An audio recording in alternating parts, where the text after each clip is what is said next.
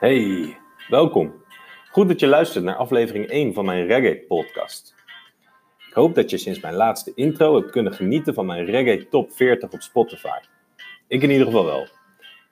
Zoals ik de vorige keer beloofd heb, ga ik jullie vandaag iets vertellen over de geschiedenis en het ontstaan van reggae.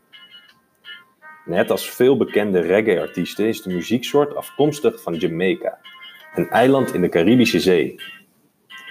Op het eiland Jamaica bestond al lang de traditie om religieuze liedjes te zingen. De Jamaicanen geloofden namelijk dat deze liedjes helende krachten hadden. In de jaren 60 vormde door het mengen van jazz uit Amerika, ska uit Jamaica, lokale Caribische muziek en die religieuze liedjes langzaamaan het genre reggae.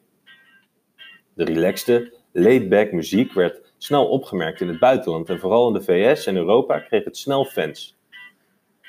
Langzaamaan begon de oplettende luisteraar in andere genres invloeden van reggae te horen. Zo gebruikten onder andere de Beatles geluiden uit de reggae. Het genre werd echt heel groot toen artiesten als Peter Tosh, Bunny Wailer en uiteraard Bob Marley muziek begonnen te maken. Vanaf de jaren 70 was reggae, mede door deze artiesten, internationaal bekend en geliefd. En het is sindsdien niet meer weg te denken uit onze wereld. En zeker niet uit de mijne. Ik ga nog even naar mijn reggae top 40 op Spotify luisteren. Jij hopelijk ook. Bedankt voor het luisteren en tot de volgende podcast.